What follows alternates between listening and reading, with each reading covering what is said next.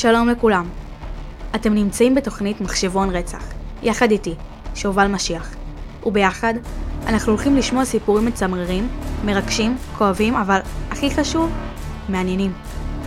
אני מזמינה אתכם לצלול יחד איתי לתוך סיפור חדש בכל פרק, שבו נכיר סיפור רצח או רוצח סדרתי, ונבין יחד את הסיפור ומה שעומד מאחוריו. שלום לכולם, קוראים לי שובל משיח.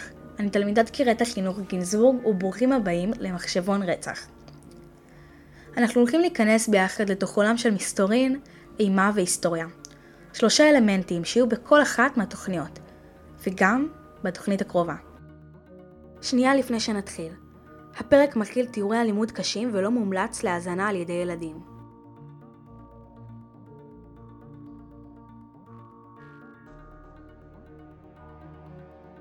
אולי חלקכם שמעתם עליו, אולי חלקכם אפילו מכירים חלק מהסיפור שלו שעלה לכותרות בזמן האחרון. אבל האם אתם באמת יודעים הכל על הקניבל והרוצח הסדרתי, ג'פרי דאמר? אז בואו נתחיל. בגיל 4 עבר ניתוח לתיקון בקע מולד במוח, ומאותו ניתוח ג'פרי השתנה לחלוטין. הוא נהפך למנוכר, ביישן, שקט, כמעט ולא היו לו חברים והוא נהיה מכונס וגור בתוך עצמו.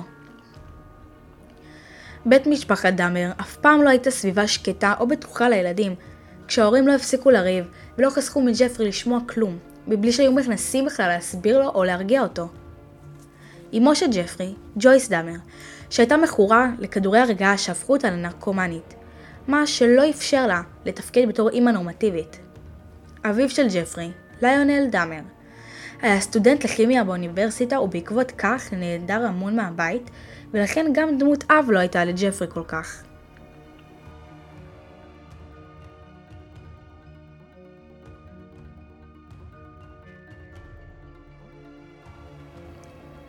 מגיל צעיר, ג'פרי התעניין נורא בבעלי חיים. ההתעניינות וההסתקרנות של ג'פרי כבר מגיל קטן הייתה משהו לא שגרתי, והגיע למקומות אפלים ולא מתאימים במיוחד לא לילדים.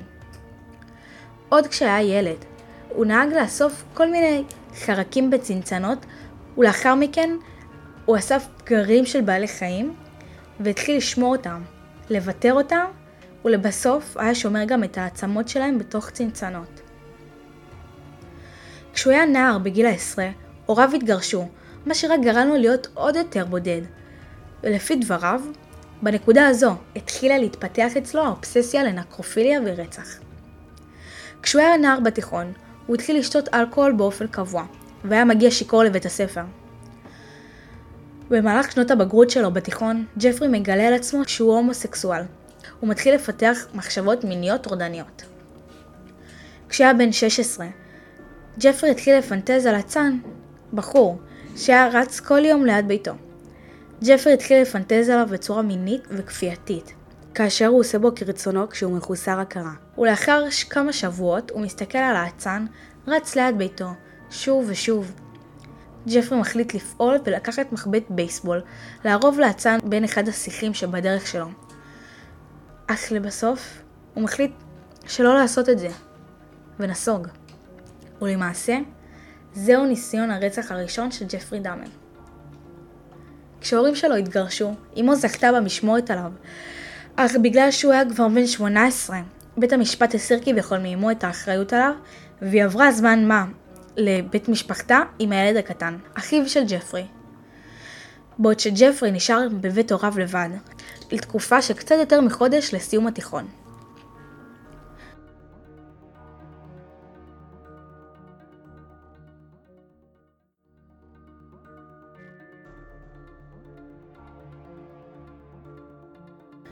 1978, ב-18 ביוני.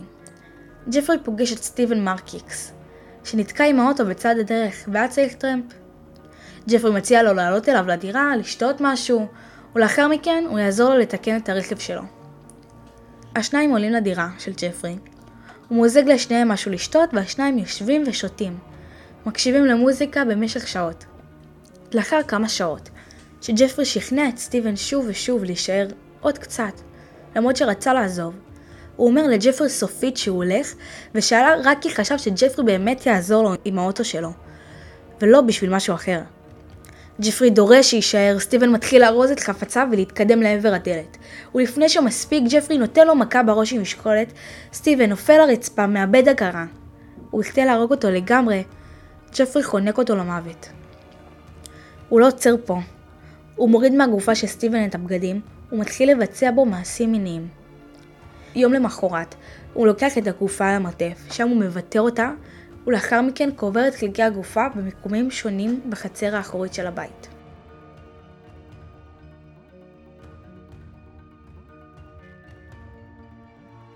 שישה שבועות לאחר הרצח. אביו של ג'פרי חוזר הביתה מהלימודים. הוא מגלה שג'פרי נשאר לבד במשך כמה שבועות. הוא מציע לו ללכת ללמוד באוניברסיטה, וג'פרי באמת מתחיל ללמוד מנהל עסקים, אבל הוא פורש אחרי שלושה חודשים. חצי שנה אחרי, אבא שלו דורש ממנו שיעשה משהו עם החיים שלו, ושולח אותו להתגייס לצבא ארצות הברית. ג'פרי שירת כחובש צבאי ושירת במשך שלוש שנים, אבל אז שוחרר עקב צריכה מופרזת של אלכוהול במהלך השירות. הוא חזר הביתה לגור עם אביו ואשתו החדשה, ובאותה תקופה הוא נעצר על ידי המשטרה בגלל התנהגות פרועה בציבור עקב בעיית השתייה הקטנה שהייתה לו, ואפילו פעם אחת נעצר לעשרה ימים. אבא שלו ניסה לגמול אותו מאלכוהול כמה פעמים, אך ללא הצלחה. חצי שנה אחרי, אבא שלו שולח אותו לגור עם סבתא שלו במערב אליס, בתקווה ששם יצליח למצוא עבודה ולהיגמל מאלכוהול, ולהתחיל חיים טובים ורגילים. ג'פרי היה בין עבודות כל הזמן, ובכל עבודה לא החזיק יותר מכמה חודשים.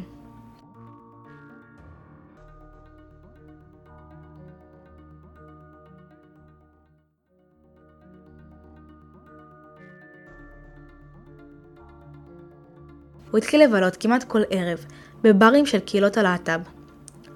הוא ישב שם, בחן את הגברים שרקדו על הרחבה מכף רגל ועד ראש. עד שפעם אחת ניגש אליו לבר בחור, סטיבן טואומי, שהתחיל איתו בבר, ולאחר כמה שעות השניים לקחו יחד חדר בבית מלון קרוב וזול שהיה בסביבה. השניים השתכרו בכמויות מסחררות, ולמחרת בבוקר ג'פרי קם במיטה במלון, כשלצידו הוא רואה את סטיבן מוצף בדם וללא כל רוח חיים. הוא ישר מכניס לתוך מזוודה גדולה את הגופה של סטיבן, ומנקה את כל החדר מראיות. הוא לוקח את המזוודה עם הגופה של סטיבן לבית של סבתא שלו שבעצם הוא היה גר שם, מכניס את המזוודה לתוך המרתף, ולפני שנפטר מהגופה, הוא מוותר אותה, ואחר כך הוא מעונן עליה. שבועיים לאחר מכן, ג'פרי רוצח באכזריות עוד שני קורבנות נוספים, בהפרש של כמה ימים, באותה הדרך בדיוק. סבתא שלו התחילה להתעורר עם הזמן בלילות, מכל מיני רעשים מוזרים שהיה עושה במרתף. ובנוסף היא גם ידעה שהוא כל הזמן מביא כל מיני בחורים הביתה. והיא לא אהבה את זה, היא ביקשה ממנו להפסיק, וגם ניסתה להוציא ממנו מה הוא עושה במרתף, אבל הוא התחמק כל הזמן. סבתא שלו כבר לא יכלה לסבול את זה, וגירשה אותו מהבית. הוא עבר לבניין בשכונה קטנה בוויסקונסין, שכונת מצוקה. שכונה שעיקר האוכלוסייה שלה הייתה אפרו-אמריקאית. ג'פרי אמנם עבר לגור בסביבה שונה, אבל עדיין, סבב הרצח שלו ממשיך. הוא נתפס בעיקר לכאלו בודדים, שלא יחזרו לאף אחד, ואף אחד לא יחפש אותם.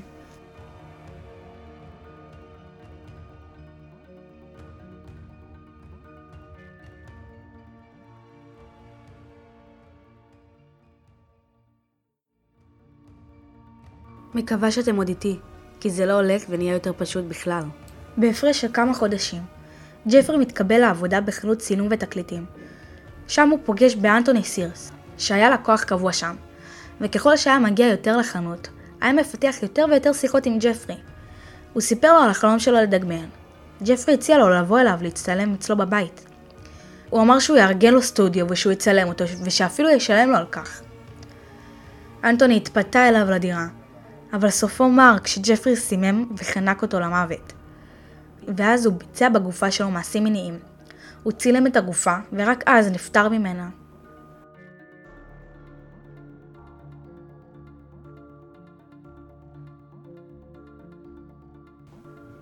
בשנתיים הבאות. ככל שעבר הזמן, ג'פרי השתדרג עם הרציחות שלו. הוא התחיל לסלק ראיות באמצעות ניסויים כימיים. היה לעיתים מבשל את בשר הקורבנות שלו ואוכל אותם. הוא היה שומר תמונות שלהם וחלקי גופות שלהם. ובפחות משנתיים הספיק להרוג עוד ארבעה גברים נוספים.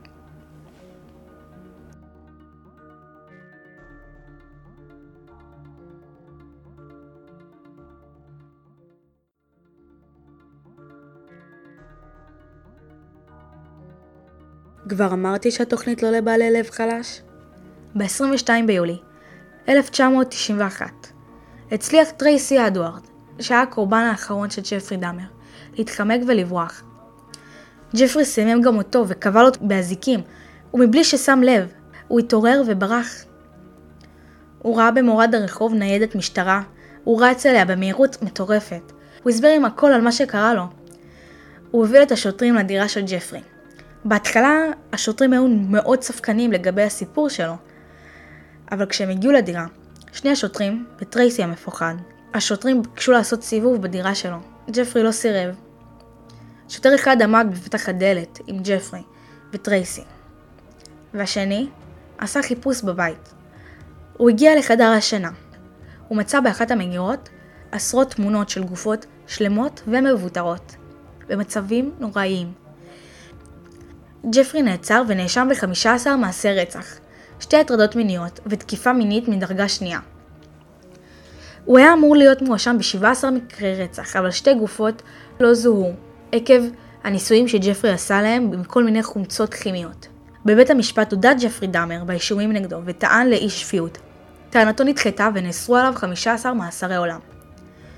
לאחר פסק הדין, ג'פרי הצהיר שהוא מודה במעשים ומביע חרטה גדולה, אחד מציטוטיו בבית המשפט היה אני יודע שאין שום דבר שאוכל להגיד או לעשות עכשיו שיבטל את הנזק הנורא שגרמתי לקורבנות ולמילווקי. ג'פרי דאמר מת ב-1994, ה-28 בנובמבר, על ידי אחד משותפיו לתא בכלא, כריסטופר סקרבר, והיה יחד איתו עוד אסיר, בשעת ניקיון. הוא היכה אותו ואת שותפו השני למוות.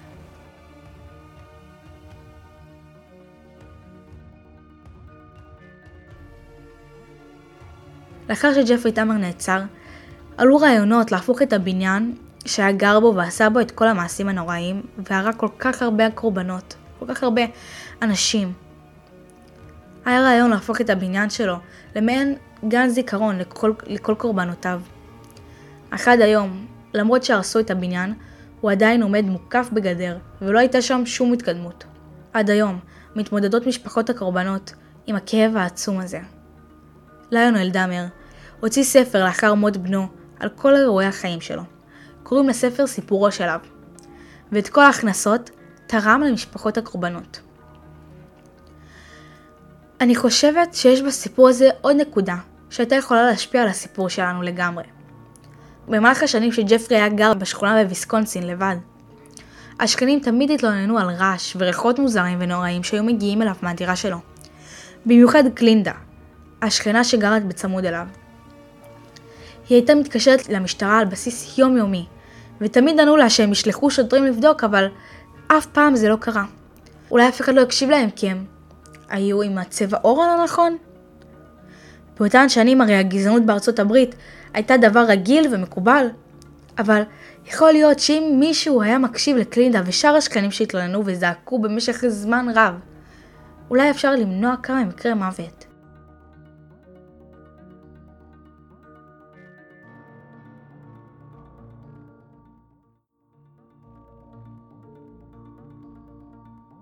אחרי הסיפור הזה, אני בטוחה שהשאלה שישר עולה לכם לראש, זה למה לעזאזל הוא עשה את כל זה. הוא סתם משוגע, או ש... שאולי יש משהו מאחורי הדברים האלה. אז אני פה בשביל לענות לכם. לפי לאריק היקי, פסיכולוג שמתמחה בעולם הפשע, בתחום הפסיכופתולוגיה. כבר בגיל קטן התחיל ג'פרי לחוות טראומות קשות כשראה את ההורים שלו רבים מול העיניים, וכשאימו לקחה את האחיו הקטן ונטשה אותו.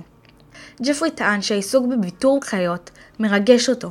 התעללות בבעלי חיים או בבני אדם היא דבר נפוץ אצל ילדים שעברו טראומות קשות עם האפוטרופוסים שלהם, וזוהי התנהגות שמאפיינת בעיקר רוצחים סדרתיים, כמו הרוצח שלנו למשל. התעללות ביצורים חסרי ישע היא בעצם הדרך של התת מודע אצל אותם אנשים להתמודד עם הדברים, ועם כמה שזה נשמע מעוות, זוהי בעצם זעקה לעזרה. השלב שבו העיוות בחשיבה ובהתנהגות של ג'פרי התחיל, זה כשהגיע לגיל בו התפתח מינית והורמונלית. אז ההתפתחות המינית, ביחד עם המשיכה לגופות, יצרה אצלו שילוב שגרם לו להרגיש על גג העולם, סיפק אותו נפשית ונתן לו מין שלווה ורוגע.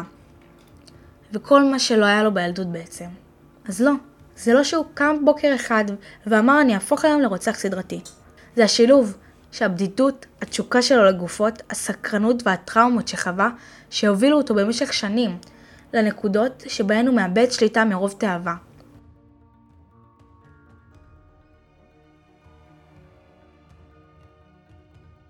רובכם שהכרתם אותו עוד מלפני, נכון שכנראה זה היה מהסדרה שיצאה עליו בנטפליקס לא מזמן? 31 שנים אחרי הפרשה המזעזעת הזאת, הסיפור עלה שוב לכותרות, ואפילו הפך למין טרנד. לדוגמה, משקפי הראייה שהרכיב בכלא הוצאו למכירה ב-150 אלף דולר. האם זה בסדר להפוך רוצח סדרתי, שגרם כל כך הרבה כאב וצער, למין דמות נערצת? ואיזה מין מסר אנחנו מעבירים לדור הבא שרואה את הסדרה והרבה בני נוער מתחפשים אליו? האם הסדרה יכולה שלא במכוון להביא לחקיינים? ומה יהיו ההשלכות?